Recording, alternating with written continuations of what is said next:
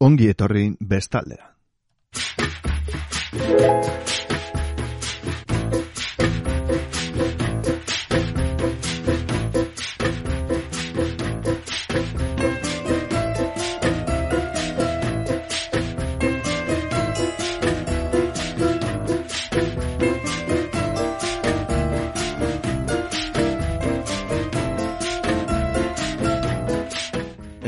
Egun honen zuleok, zer modu zerate bestalde horretan, e, Jon Olano Carlos dut izena, eta badakizu egunero bezala, hemen emdeka irratian, kulturaren berri egote egiten dugula saioa ordu eta erdiz egunero hemen.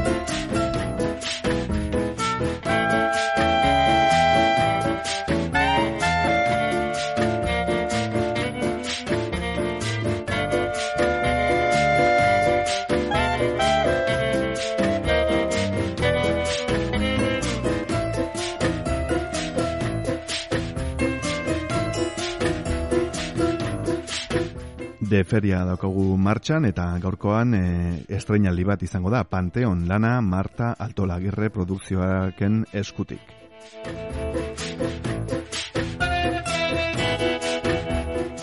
Panteon emakume baten historia da, nola egiten duen ibilaldia bere itzaletik, aitak aurtzaroan abandonatu zuen eta heldu ondoren telefono deia jasotzen du, non esaten zaion ura berriki hila dela. Gertaera horrek beste gertaera batzuk ekarriko ditu atzetik, eta protagonistak, protagonistak aukera izango du bere buruaren parte orain arte ezkutuko bat sendatzeko eta berreskuratzeko.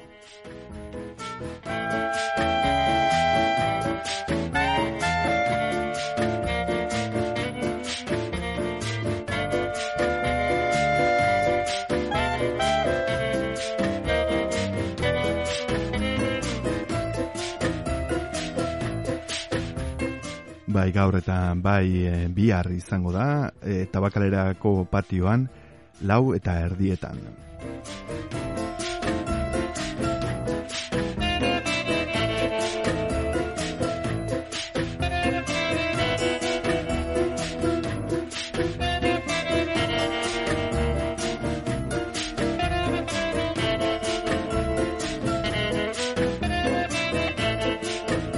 Bestetik e, literatura edo kasuntan komiki hitzaurdu bat, komiki sola sali izango da gerezi garaia komentatuko dute belatzena Igor Leturiak euskara zuzenutako sola salian.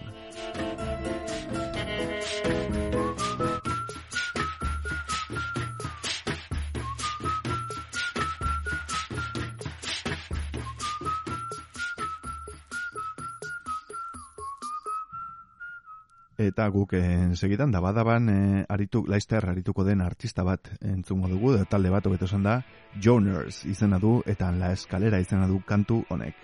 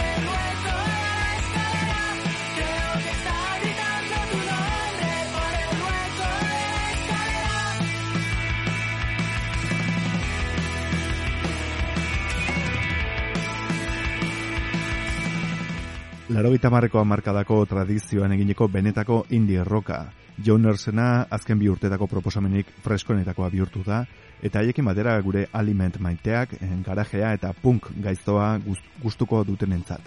Modern Nature Britanniarrak itzordura gitu dira azken unean, horixe esaten dute, dabadabakoek aurkezpen testua martxoaren amairuan, horta zuzenean Joners, Aliment eta Modern Nature.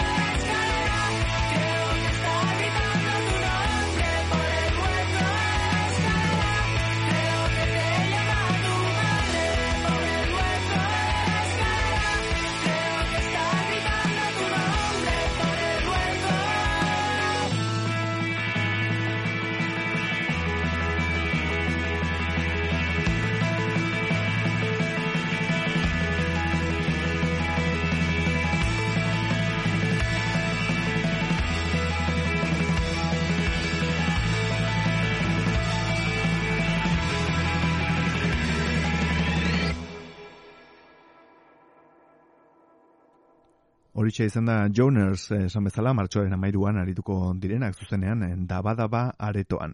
Beste hainbat e, talerekin batera. Eta segidan, bueno, aurrerago entzungo dugu beste kantu bat, baita Lucrecia Dalt daba-daban arituko den beste artista bat.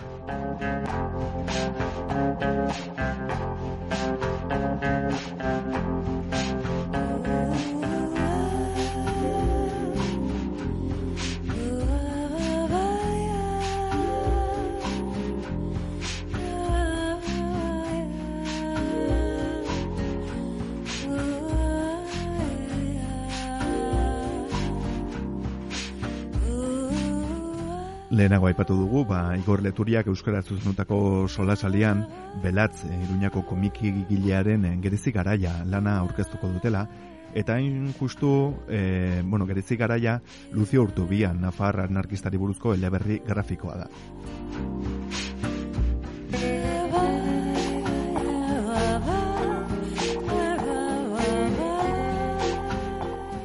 Kaskantean emandako aurtzaroa, lehen banku desjabetzeak, poliziei iskintxo egiteko asmatutako trekimailuak, familia kontuak, Citibank banketxearekin egindako negoziazioa, muga zeharkaldiak, guztia edo gu ia guztia kontatuko dugu Luziok akzioz eta ekintzaz betetako horri hauetan.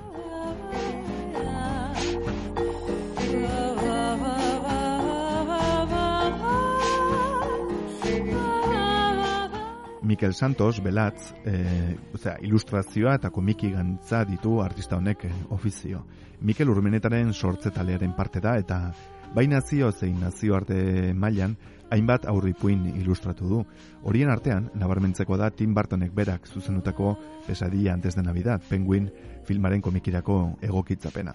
Horrez gain, elkarlanean egindako eta hainbat hizkuntzatan argitaratutako testu liburutan parte hartu du. Osasuna fundazioarentzat 90 minutos en el reino eta Nafar gobernuarentzat una aventura en tres tiempos komikien egila da ere Mikel Santos Belatz. Samezala, Igor Leturiak Euskara zuzenutako solesalian, Belatz komiki egilaren gerezi gaia, gerezi garaia komikia aurkeztuko dute gaur intxarrondon iluntzeko zazpietan.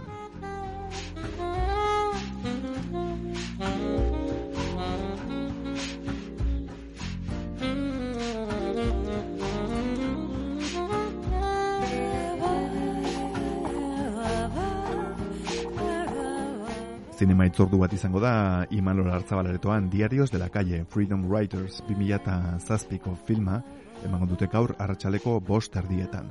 Zuzunaria da Richard Lacravenes eta aktoreak berriz eh, Hilary Swank, Patrick Dempsey eta Abar.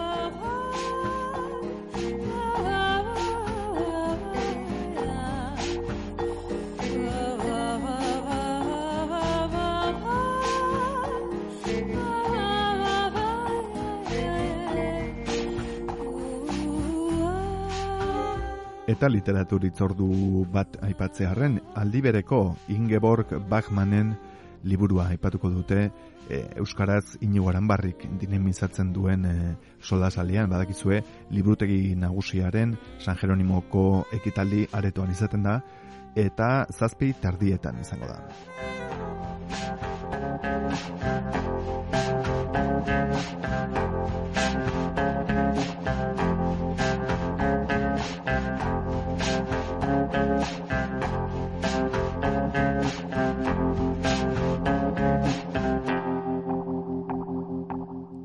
Eta guk segidan Joners talearekin itzulera egingo dugu, haien The Friend Song izeneko kantua entzungo dugu segidan. Badakizue martxoaren amairuan arituko direla dabadaban zuzenean.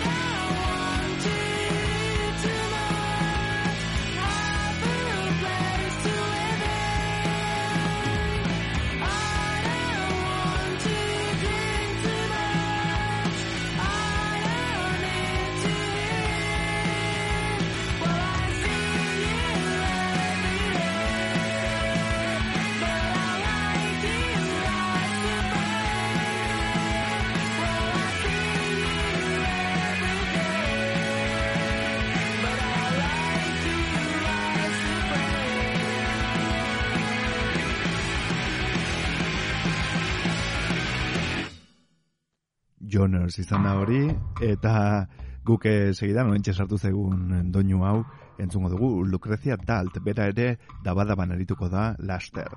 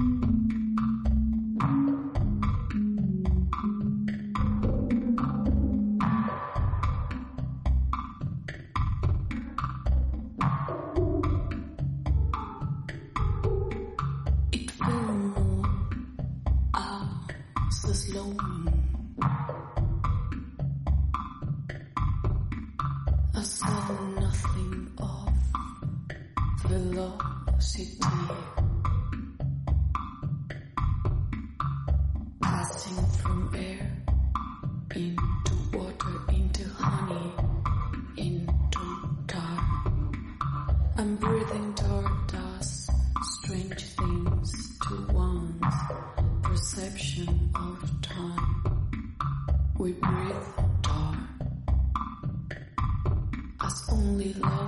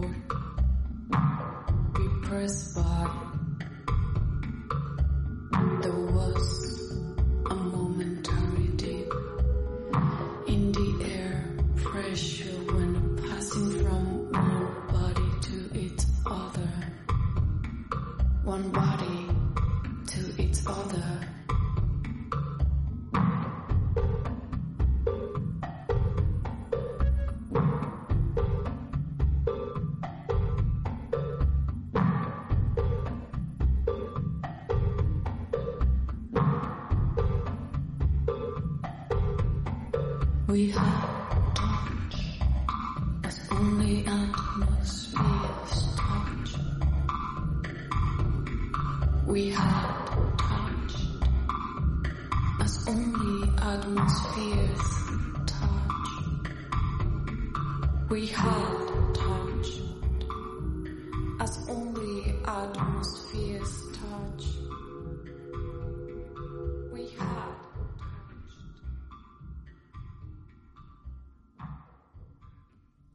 Martxoaren amaseian arituko da Lucrezia Dalt, abanguardiako musika gilea Kolombiatik, eta Jerusalem in my heart ar- arituko da berarekin batera. Dabadaban, esan bezala, martxoaren amaseian.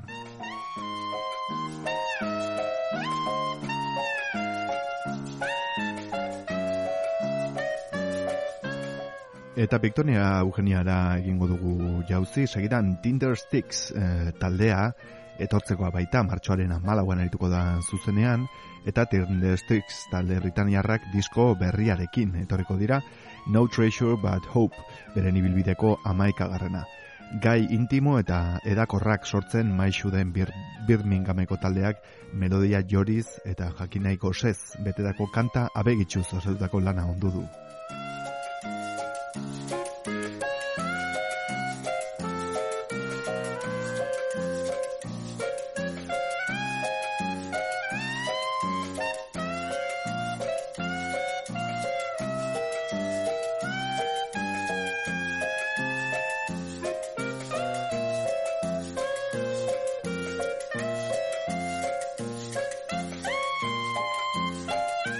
Eta dabadaban eh, martxoaren hogeian Lier taldea arituko da eh, hain zuzen ere ereien azken diskoa aurkezteko.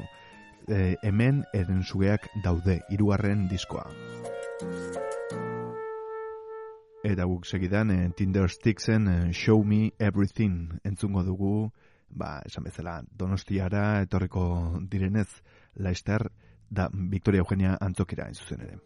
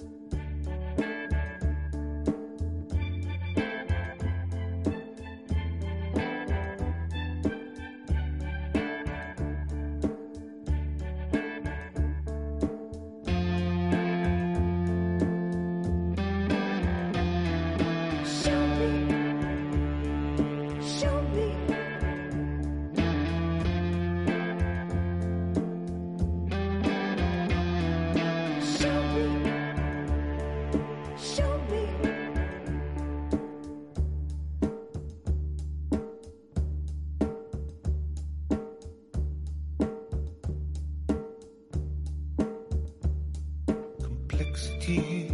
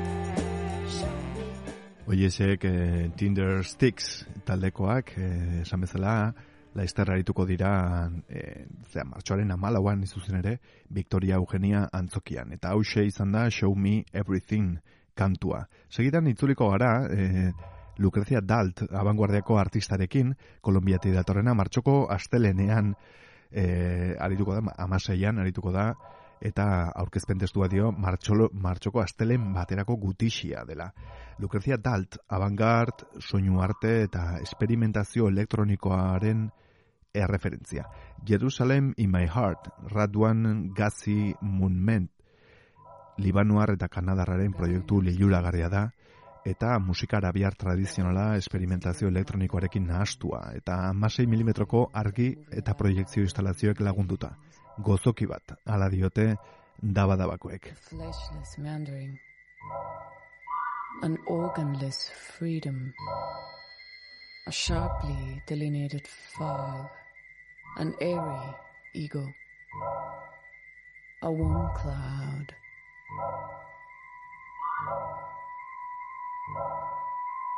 Skin making form as air pressure from both directions.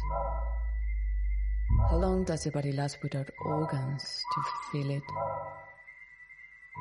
What does the body want except to pass blood through tiny vessels and keep the whole shape intact?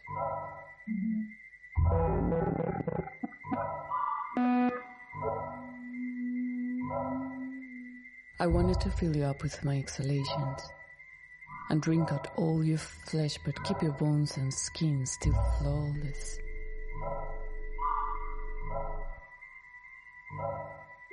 And blow through the tiny opening that above your scalp until all there was was a perfect you and a perfect me and breath and shape and pressure. And I would be the breath and I would press against the back of your eyeballs, the root of your spine, the back of your teeth, the smile of your shoulders, the inside of your navel, the slippery side of your throat, your vocal cords, your voice box, your Adam's apple, your cheeks.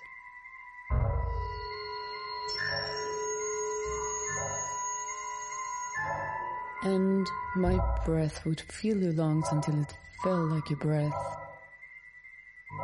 And when you spoke, you had a voice that was not quite you and not quite me, but something wrapped through both of us.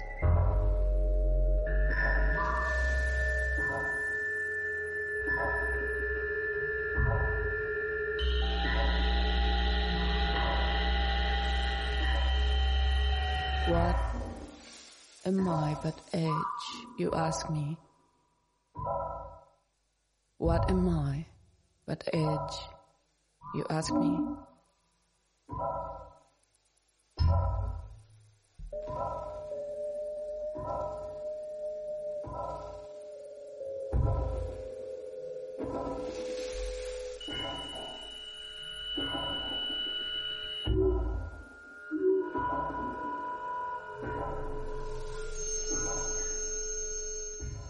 Kutuzalen irratsaio mutantea da gurea eta mutazio berzia izan da hau abanguardeko musika Lucrezia Dalten eskutik etx izena zuen doinu honek.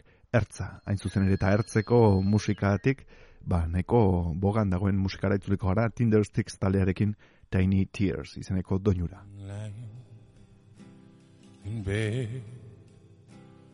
week now.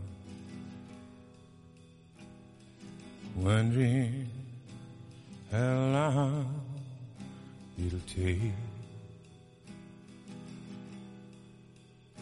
You haven't spoke. I looked at her in all that time. Today was the easiest line you could break. She's been going round the business as usual. Always with that melancholy smile. But you were too busy looking into yourself seasons and tears in her eyes. Tiny tears make a dinner share. Tiny tears make a sea. Let them part paradise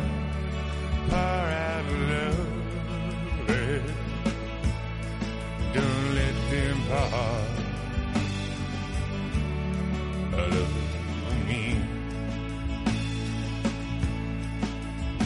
how can you hurt someone you're supposed to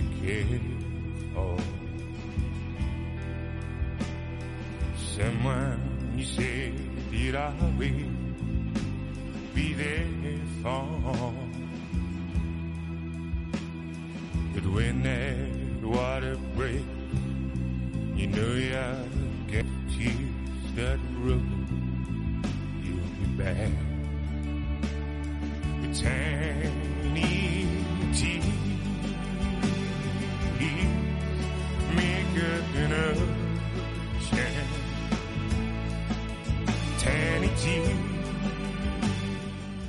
Eta Tinder Sticksen eh, doinuekin utziko zaituztet eh, ba, hain zuzen Juan Cruz Igera bidek eh, inauguratu zuelako poetika 2008ko ekitaldia eh, poesia irakurraldiak izaten dira badakizue eta berarekin batera aritu zen eh, Felipe Juaristi Koldo Michelenan egin zuten eta eh, segidan entzungo duzue poesia emanaldi hori.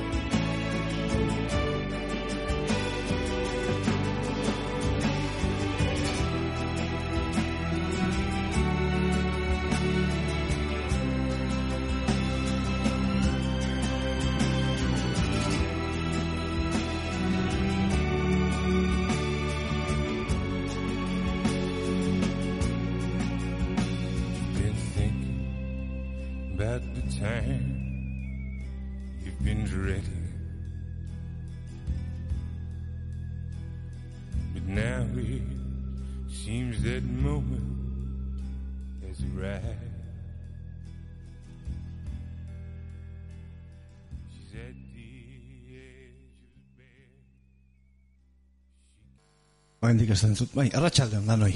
Eh, arratsaldeon, eh, adiskideok. Eh, Gipuzkoako foru eh, aldundiaren eh, babesari esker eta musikenerekin eh, lankidetzan, ba, Koldo Michelena kulturuneak eh, poesiarekin egiten duen eh, poetika topaketak eh, irugarren eh, edizioa ospatuko du aurten. Eta hirugarren edizio hau ba hasi egingo dugu aurreko bi edizioen bolondate berarekin.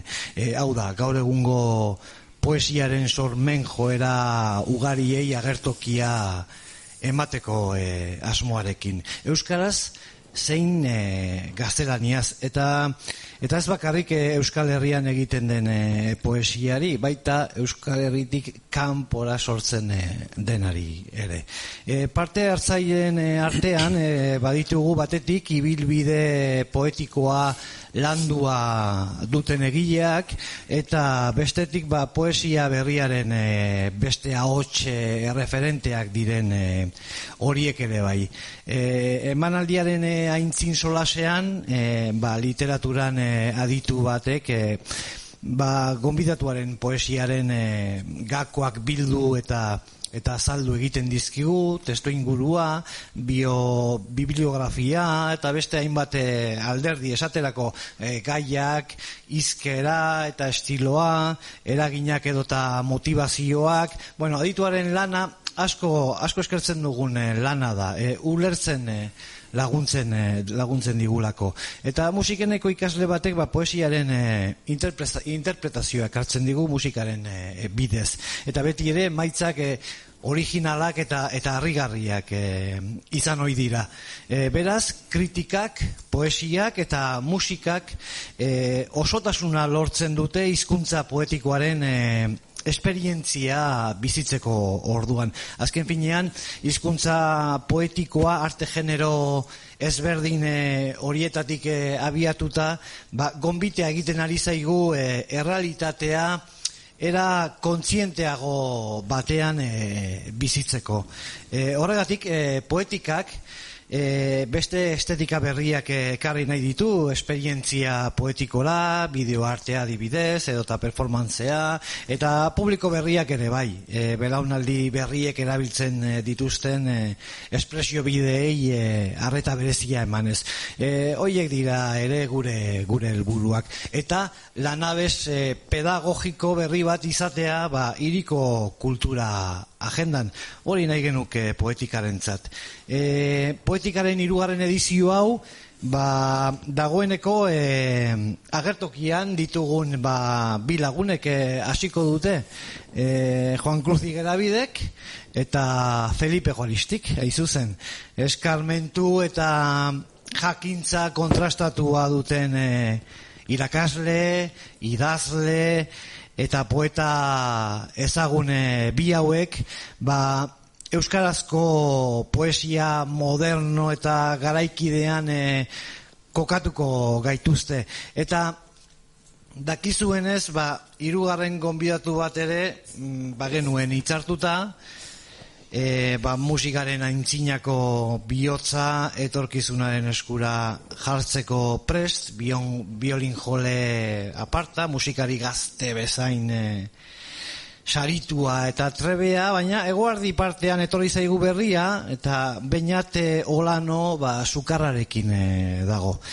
Ez ere ez da, baina e, gauden e, osasun egoeran egon da, ez da komeni ari jokatzea, eta kasu egin behar die, ba, osasun agintariek nabarmendu dizkiguten ba, prebentzio neurriei. Faena bat guretzat, eta zer esanik ez, ba, bainatentzat, e, bihotzez ari baitzen e, ofizio honetarako. E, osatu dadila errex eta laster, hortaz, e, tarterik ez dugu izan haren e, ordezkorik e, izendatzeko, baina moldatuko gara, eta aprobetsatuko dugu ala, ala eta guztiz ere. E, egia esan, e, poesian murgiltzeko ahal egin eta eta aukera bikaina da gaurko emanaldi honek eh, eskaintzen eh, diguna.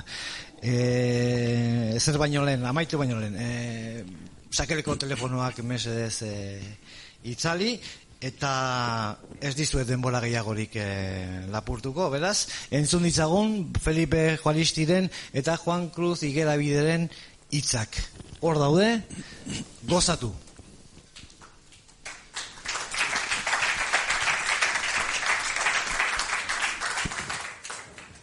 Gabon, gabon guzti hori, eh, lehen da bizi eskerrik asko poetik antolat, antolatzaileei, no, Jose Luis Padroni eta, eta bide batez diputazioari.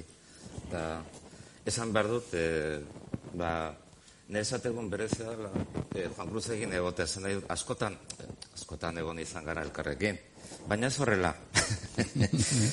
egon izan gara, ba, berriketan, e, solasean, salsatan, baino horrela ez eta eta nereza bere bizi importante izan da ba, eman didalako aukera Juan Cruzen poesia liburuak berriro irakurtzeko eta eta bueno ondori bazuetara iristeko ez? Ba git ondori hauek gaurkoa direla bihar beste ondori bazo gaterako ditut baina horrek ez du ezar esan nahi. Era ia urte baten gora bera. Sensibilitatearen aldetik alegia munduari aurre egiteko eta mundua ikusteko moduak ez direla oso ezberdinak esango nuke. Lehen aldiz elkarrekin poemak irakurri genituenean, berak argitar, argitaratua zeukan Notre Dameko jarzunak mila bederazion da larogita lagoranekoa baita. Eta nik ere bai denbora nostalgia, mila bederazion eta larogita bosteko baita. Santelmo musuan izan zen Frankoren biktimei egindako omenaldi batean. Denbora pasada, eh? Aurreta gaztenzako poemak idaze ditu aforismokin batera, baina gaur, gau honetan, helduen zako poesia hartuko dugu gogotik. Mila bedera zireun eta lagu eta bedera zigarrenean, bizizarekin solasean argitatu zuen. Irizia baino ez da, liburu horretan gehiago dago borondatetik, eginetik baino. Gehiago da asmoa, burutazioa, buruzea baino.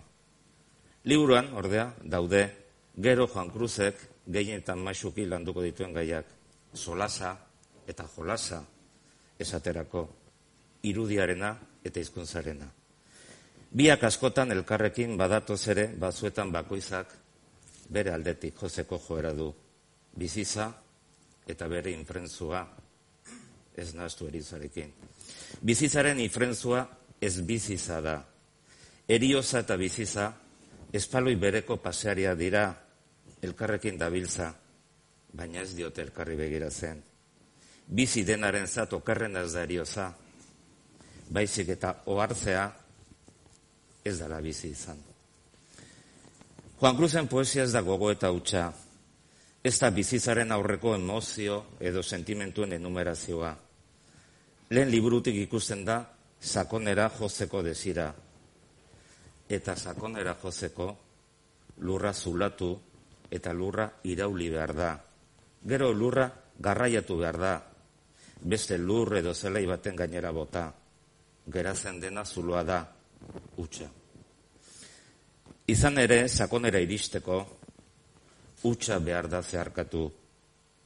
Utxa badago, lehen lur egon delako da. Utxa gordezen du lur horren guztiaren zantzua. Utxaren urrengua, poesiaren urrea. Juan Cruzen poesia ez da biluztasuna maite duen poesia, jaztea gustatzen zaio. Juan Cruzen poesiaren jantzia ez da ego alegia nia, era dotorean apeintzen duen soinekoa, alegia. Era guzten den hori, Juan Cruzen poesiaren jantzia, eskutatzen duena da. Bazu jazten dira beren burua erakusteko eta beste batzuk hain zuzen eskutatzeko. Bazuek direnak baino gehiago irudikatu nahi, beste bazuek ez direna, besterik gabe. Larbatuz prodeo, aurrera noa mozorroturik omen zen deskartezen ikurra.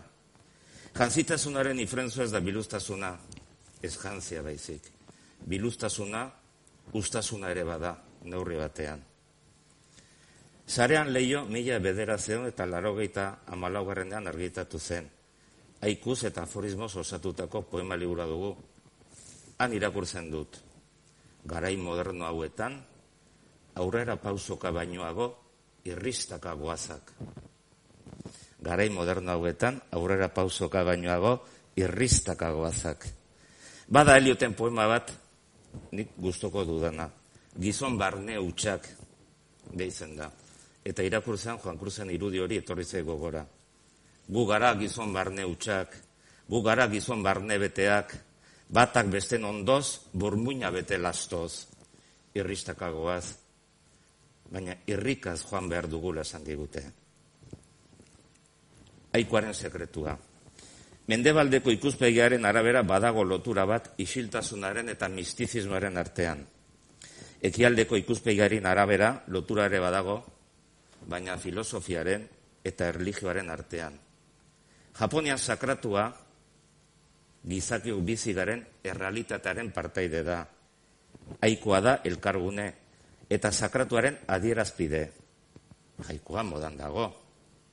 Baina esan behar da Danteren infernua gartu barko lituzkela bere alzoan taitxia ezaguzeke jaikoak idazten dituzten poetak. Edo bestela esan da. Jaikoak idazten dituzten poetak baldin eta arrazalderen bat igaroz badute mugikorraren pantailari begira. Jaikoan, haus poetikoa, naztu egiten da esperientziaren objektuaren, objektuarekin. Jaikoan, niaren dizi, disoluzio agiria idazten da. Jaikoa eta aforismoa landu ditu Juan Cruzek. Jaikoa zenzumenen ariketa da, eta aforismoa adimenarena.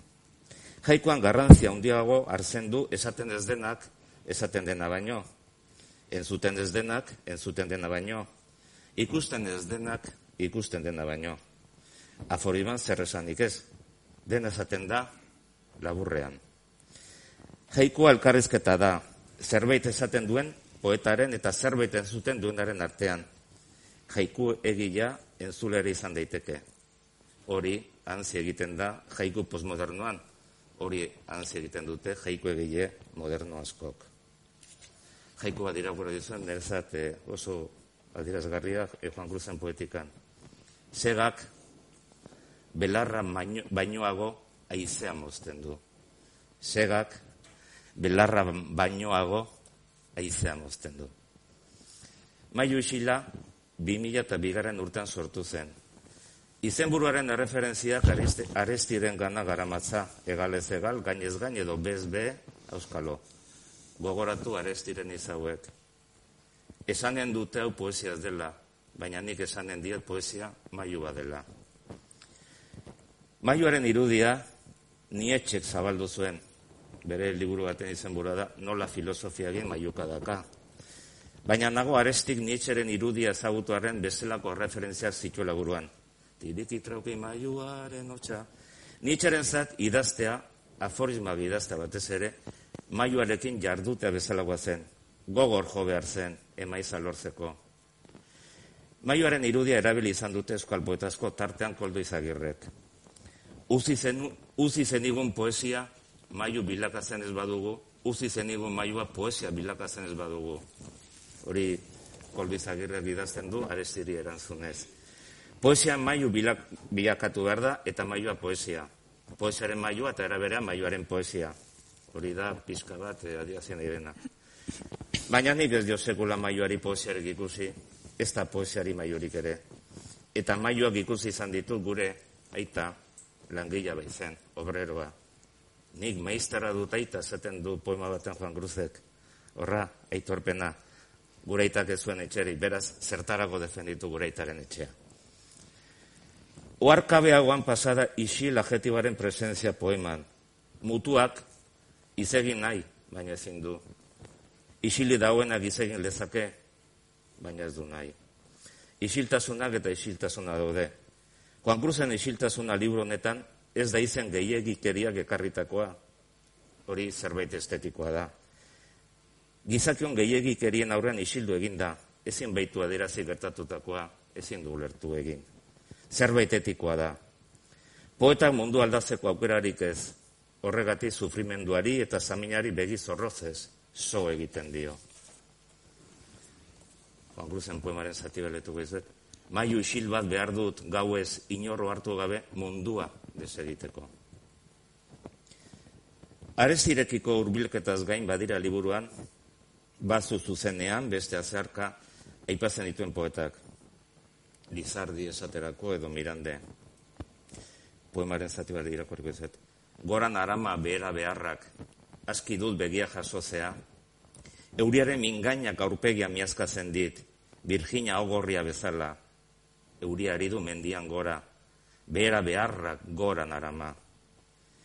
Egitura sotil horren azpian konzeptu sakona gordetzen dira, iz jokoa lehundu nahi luke bizizaren gravitatea, behera joan beharra dela dio lebeak, behera joan beharra dio legeak, baina borondateak ez nahi, goiti behera euria, beti gora oinak.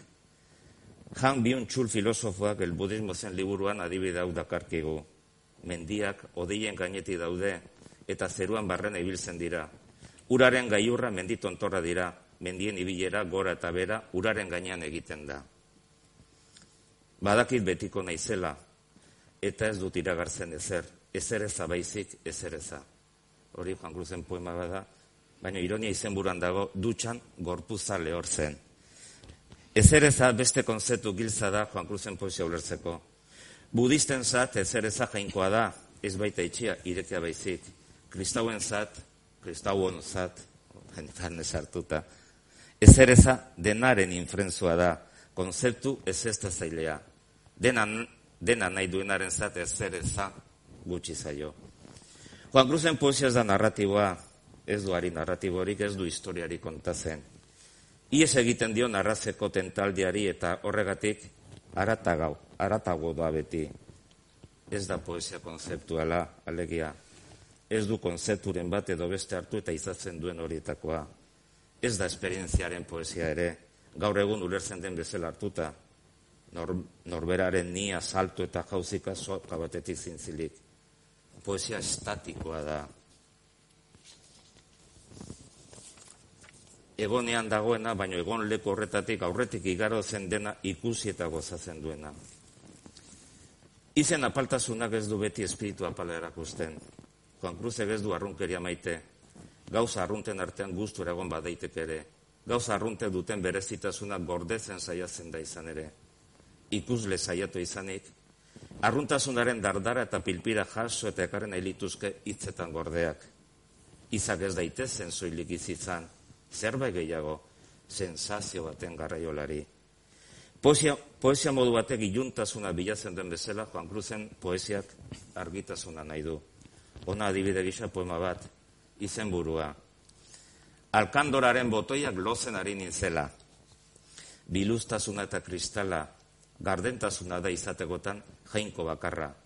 Eguzkia sartzen da leiotik, gardentasuna eta hautsale bat airean.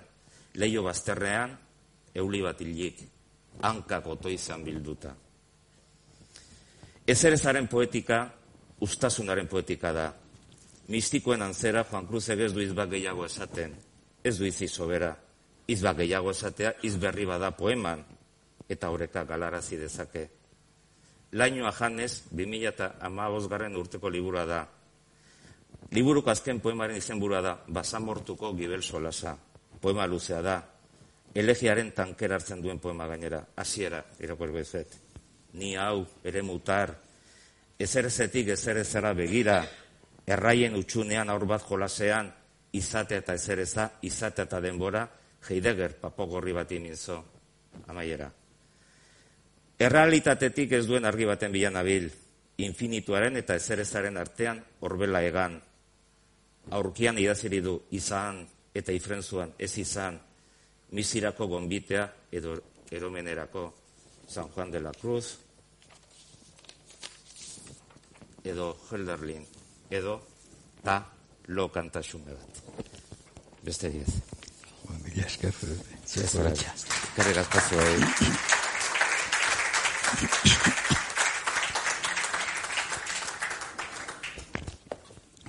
Haze kompromiso hauain.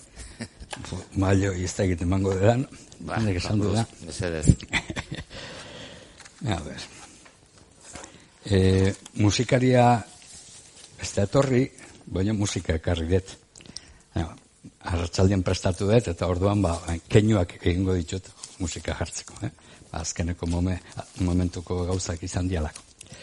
Orduan, ba, musika pixka bat entzunez hasiko gea, eta gero ja, e, tarteka entzungo dugu, eh? atal bakoitzan.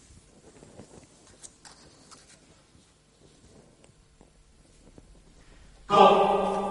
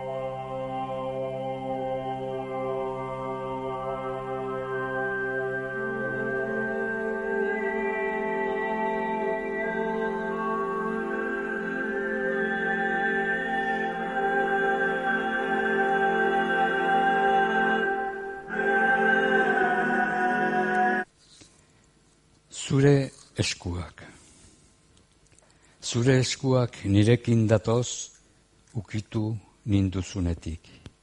Eskuetan esku gara, biok biotara. Nire eskuetan zureak, zure eskuetan nireak. Zein zeinen, biok bien. Etorkizuna eskuetan dugu, lastanez lastan, eskutik eskura bideratzeko. Bizitzaren txirristan behera ondoraino. Eta amildegien ertzean, enauzu sekula askatzen. Konpas geldian. Aizea ahoan asperen kanuen, eta Espainian olatuak leun-leun lehertzen ziren zure begien itxasertzean. Egun sentia panpina bat zen zure antzera egina. Zure horpegian bainatu nintzen eta murgil egin nuen zure izena arrantzatzera. Gero, kontu handiz, gora atera, neure taupadetan bildu, eta belardien gainera susurlatu nuen emeki. Zeru ertz jaio berrian kulunkatuz, sehaska kanta baten moduan. Gainerakoa berez bezala gertatu zen.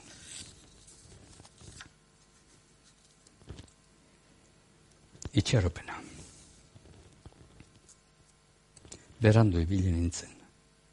Baina esan izun esan. Zure hogeak estanda egingo du, eta goiza itzuliko da mamurik eta ondartza utxik gabe, zure ametsa argi bihurtzera. Badator misterioaren ispilua eskutik eskura zure harimaraino. Zu zeu zara galdera, zu zeu erantzuna. Aintzat hartua izango zara salbu espenik gabe. Besarka ezazu burkoa eta zaude adi. Kristal batek argituko dizu eguna. Eta alaxe gertatu zen, berandu xamar badarik ere.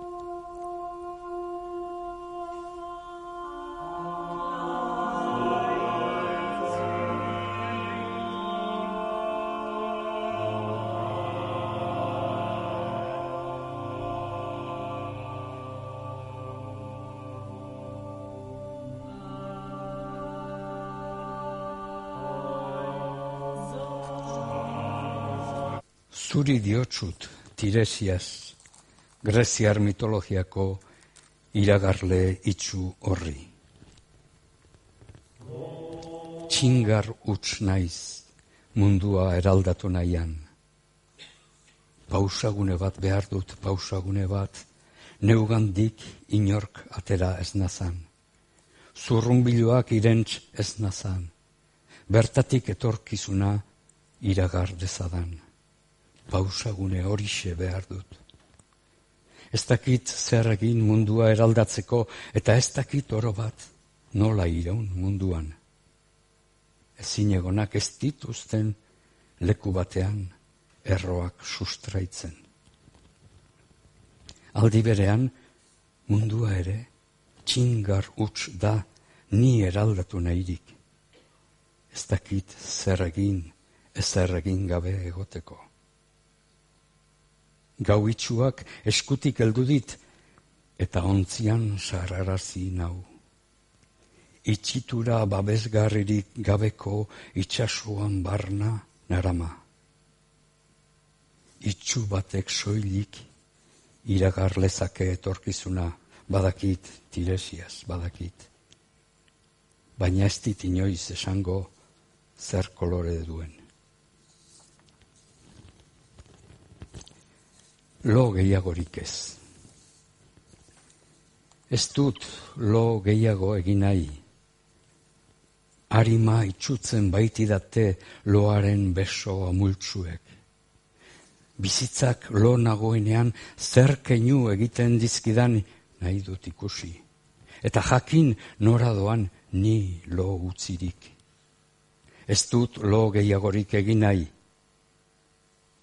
Zehaska kanta bat susurlatzen dit eriotzak pazientzia amaigabeaz. Badaki loaraziko nauela lehentxeago edo gerosiago.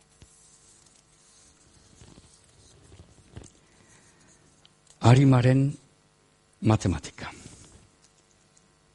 Ez diot barrerik egin nahi trigonometriari, ez zeroaren eta hortik aurrerakoaren zientziari, alegia utxaren urrengoari, integral atalkakoei, ernamuinik gabeko matrizei, inozotasunik gabeko inkognitari, gizakien arteko distantzien karratuei, ez diet barrerik egin nahi permutazioei, limiteei eta kalkulu infinitesimal gutxi gora berakoei. Soilik jakin nahi nuke zenbat dezilitro esne behar ote duen batez beste, harimaren gau batek.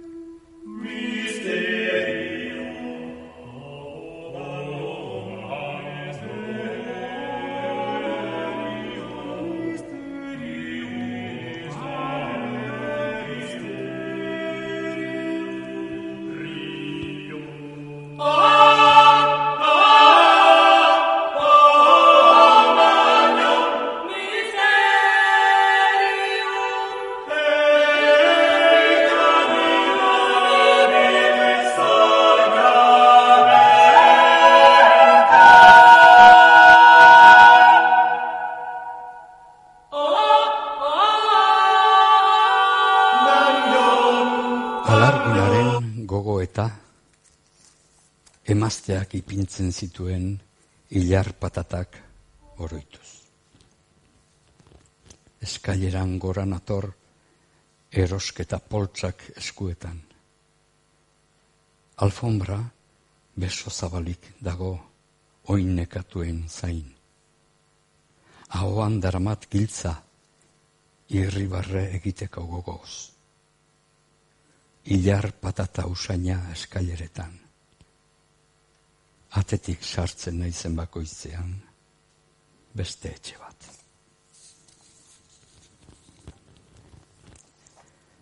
Damuaren gogoeta. Kaktusaren atz zorrotzek zerbait seinalatzen didate apaletik. Behar bada egarria, behar bada, min zahar bat. Denak behar bezala zaindu banitu. Hilik ez baleude edo zauriturik orbain ikaragarri horiekin. Biderkatu izan banitz denengana iritsi. Alabaina, joan egin ziren haiek, joaten ari dira. Eta nik hain ditut laburrak atzak. Eta nire bihotz zimurrau hain da kaktus baten antzekoa. Barrutik beste inondik maitatzen ez dakiena. Eta barrutik ere, zuku garratzarekin.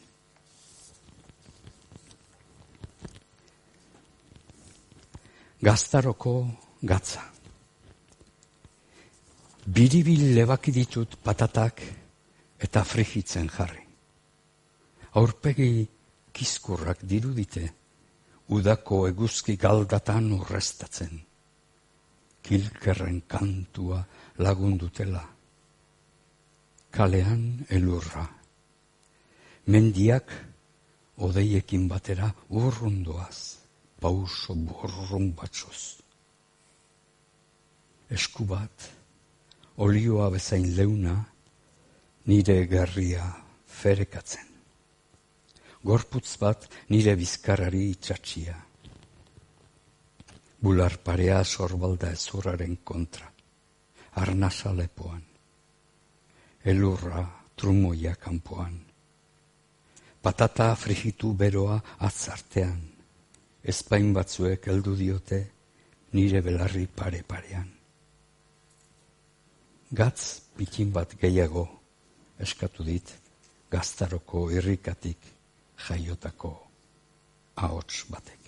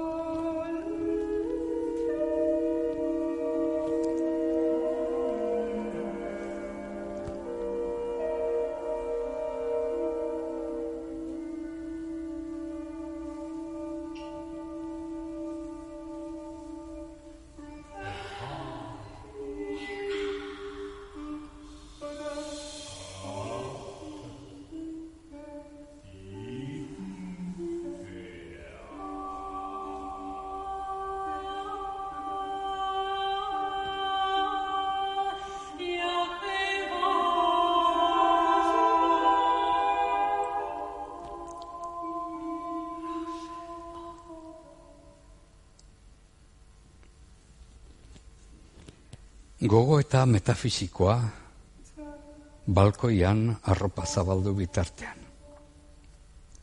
Maindire bat zintzilikatu dut. Gau zuria, denboraz kanpoko basamortua. Denbora bakarra gelditu eta denbora kiskurrak txirik ditu loak. Aizeak astindutako maindirean bezala. Maindire garbiak zeruaren usaina du. Kezkak, anzturak eta miseriak xurgatzen ditu. Eta gauzuri bihurtzen, gardentasun. Mugagabetasunaren nostalgia bat zabaldu dut. Ameslari baten hortzia. Telebista itzalita. Beranduegi afaldu dut edo bakarrigi apika. Kuartzozko azazkalak mozten ari naiz. Zati bat liburu baten gainera joan da eta bokal mingarri bat jodu. Erdoildurik dauzkat eldulekuak. Eternitate bat daramat inorrukitu gabe. Argizaririk piztu gabe inoren begietan beranduegi afaldu dut, edo bakarregi apika.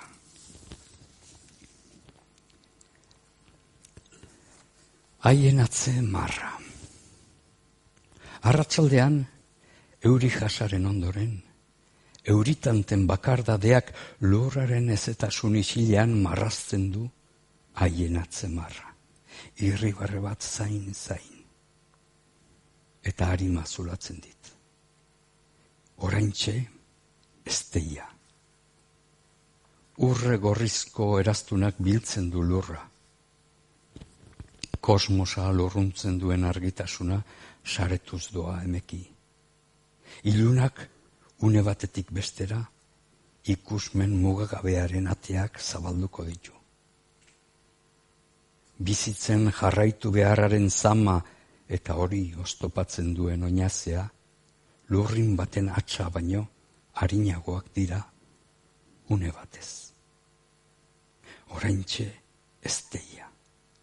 Eraztuna amorantearen atzean sartzea dagoela, ezkontza etendu gauak.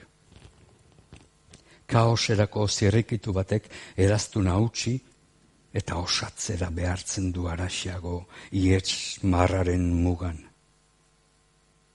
Ama agondu dut sopa ardezan. Jada ez dio begiratzen eguzkiaren sarrerari. Egoak hautsirik. Egoak hautsirik aingeruak, eta jainkoa atxilo galeretara zigortua. Gorrotua biluzik agerira eta destainak erretratua egiten dio. Itzalen ertzean madarikazioka gatzaturiko odola, burdinazko malkotan hiltzaturiko hortzak. Txokolate hau bero-bero dago, norbaitate joka arreba hilzorian irribarrez, iesa betxeinetan. Atsegin du txokolatea, koilara erdi bat besterik ez ezin irentzi gehiago.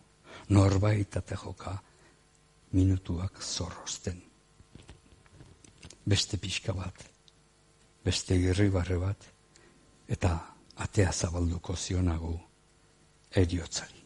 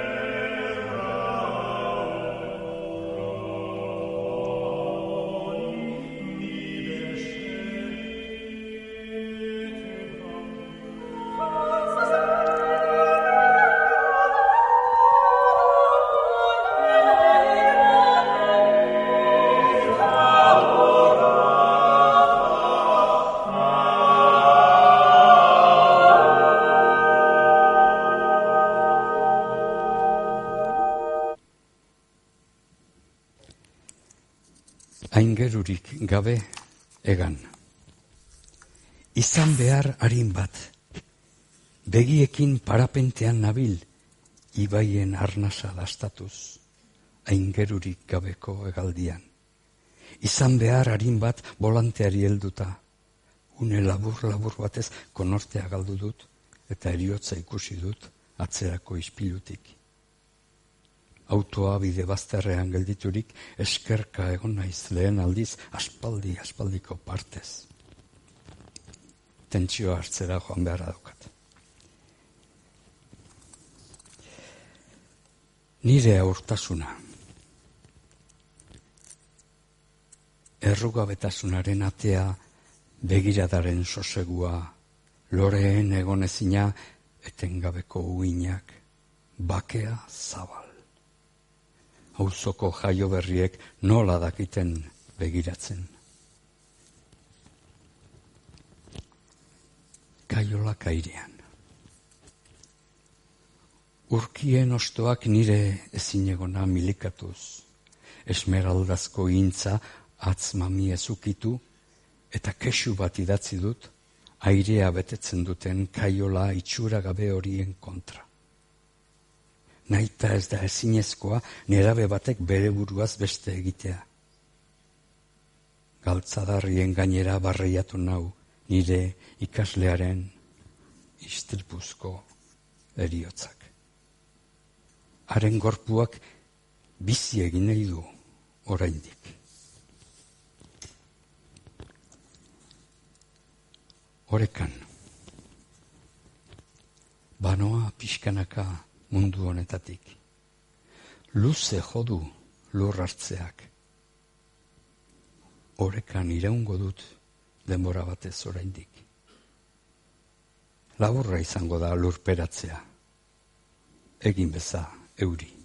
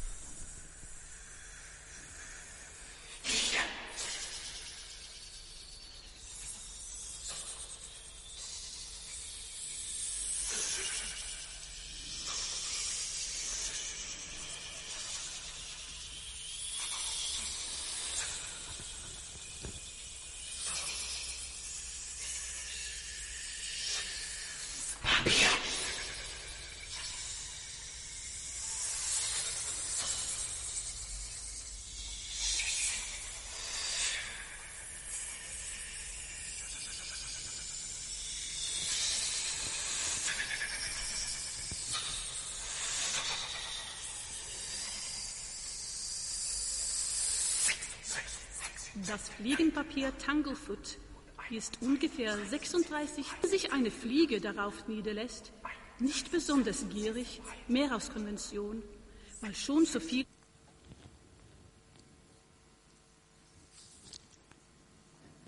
Amildegi isila. Euriaz bigundu egiten dira bideak guztinezea bezala. Atza sardezakezu oretu, itxura aldatu eta beste norabait bideratu. Poz alderantz esate baterako. Edo aurtzaroko amildegi isilerantz. Fraktal kaotiko baten inekuazioa.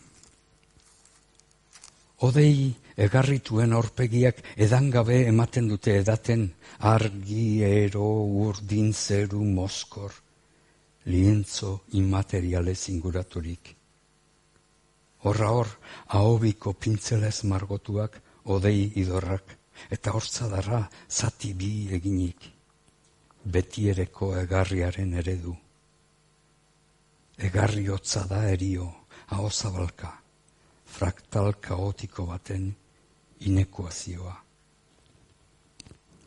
Bere buruaz beste egin duen lagun baten hiletatik gatoz. Haren horrez garabar, garagardo bat hartzen ari gara. Norbaitek topa eskaini dit. Aparraren fraktalek keinu larri bat marrazten diote Espainetan. Arrastiri. Euria umotuz doa gerezimin. Tantek ez ditzen dute arrats gorri hau. Leioetako kristalak baizik ez du bereizten euria gure umeen pijama garbietatik. Isildu da txioen ahozabalka abia itzaltzuetan. Haurtzaro samurretik hasita egunez egun ikasten da eriotza zer den.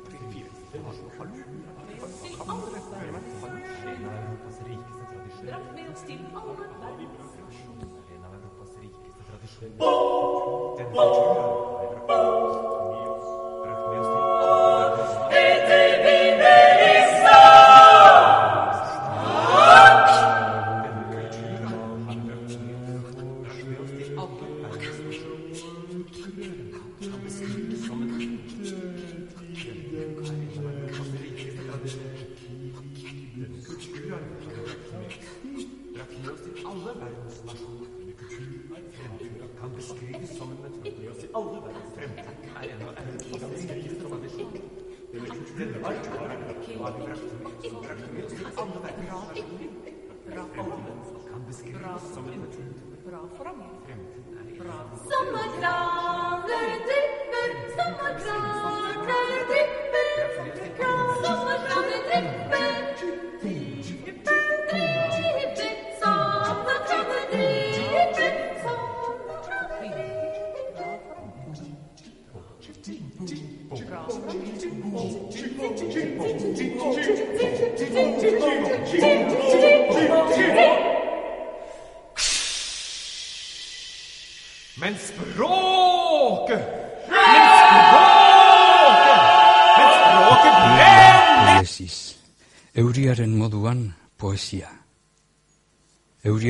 Ifrentzuan arnasa eta ezin amaituzko grina. Progresus ad infinitum eta ezin amaitu grina desegoki hau. Berekoikeria kosmikoaren inekuazioa. Izateko irrika okartu. Ia izaten, ia izaten. Oiele lur nerea. Ez goizene, izatea ezer ezaren ezin egon txipi bat baino.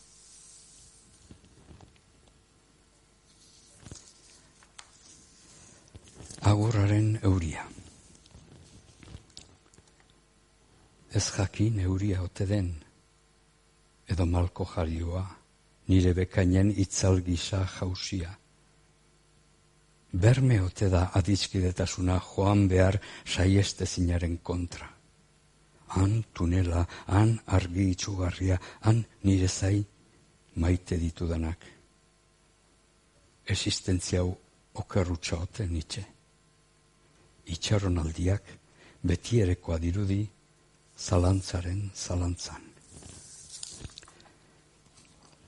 Azala behar du ahots ederra hauek aituta edo zerbait kantatzeko, baina atrebitu ingo naiz.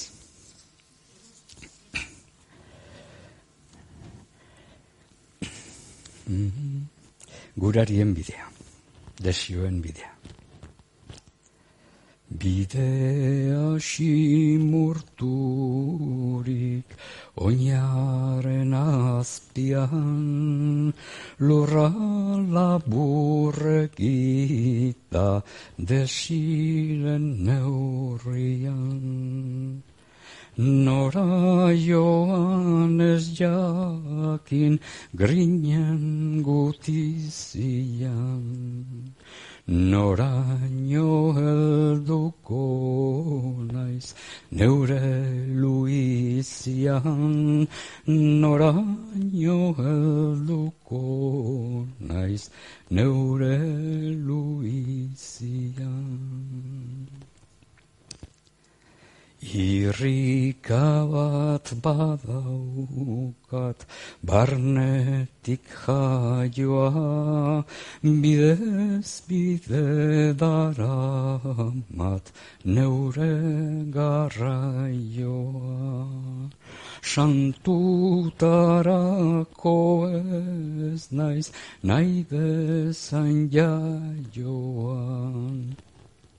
Noraino helduko da, oinauen saioa, noraino helduko da, oinauen saioa.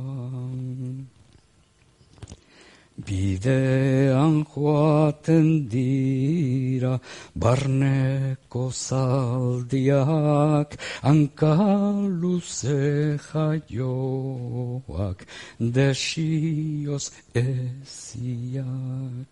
Gainditu nahi dituzte munduko esiak, nire oinen ezina, Josten ikasiak, nire oinen ezina, josten ikasiak.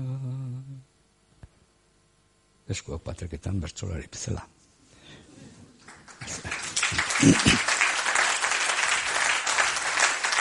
Ez ernea. Arto muster, zindi batzari zaharrak, ale gorriz, abaildutako zagarrak. Oro laino nahi batek estalia, urre zoro eguzkiak jantzia. Nekazari, izan batxiduri zoroan zut, gaitxon dizula, zuri.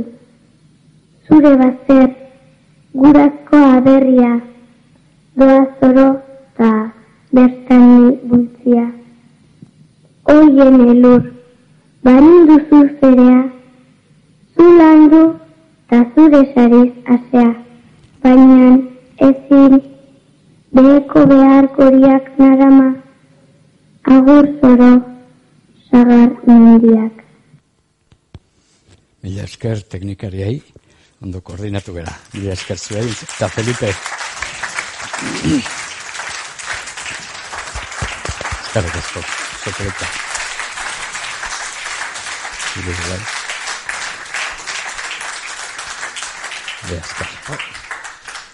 Barkatu, baino hor lagunen batek edo hitzez hitz hartu du mailuaren metafora eta ez da ez da isildu, bai.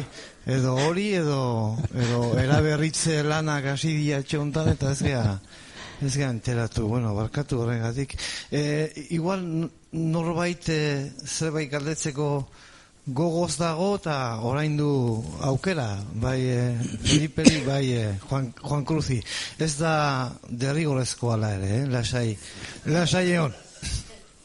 Lasai egon, ez gara gaizki pasatzea etorri. Zute, Ikusi ere behar da. bai, ikusi, norbaitek bestela agur esango diogu, eta gogoratu, ba, aurreko bi edizioetan bezala, ba, gaurtik hasita maiatzera arte, hilean behin, e, ba, emanaldi bat e, antolatuko dugula, areto honetan bertan, e, Euskaraz batzuetan, eta eta gaztelaniaz e, bestetan badakizue. Eta ekitaldi berria datorren apilaren, e, apilaren bian e, izango da. Hemen izango dugu, e, zuzenean, e, aritz e, gorrotxategi poeta donostiarra. Ba, jaso zuek, e, bertara etorri zareten e, guztiok, gure eskerrik e, beroena.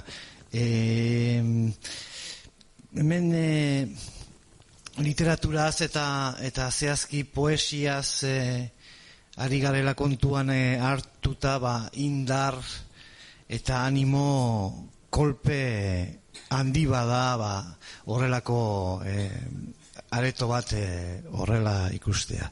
Eskerrik asko bihotzez benetan e, zuei. Eta mila mila esker ba, gure gure gonbidatuei e, Juan Cruz Higuera bideri eta eta Felipe Juaristiri. Baita baita Beñat Olano gazteari ere, ba, estradivirus, e, zea, bi, biolin jole, biolin jole bikainen e, ba, gaitzak jota egon arren, ba, gure esker ona ere ez zaio, ez zaio faltako. E, ondo bizi eta urren arte agur.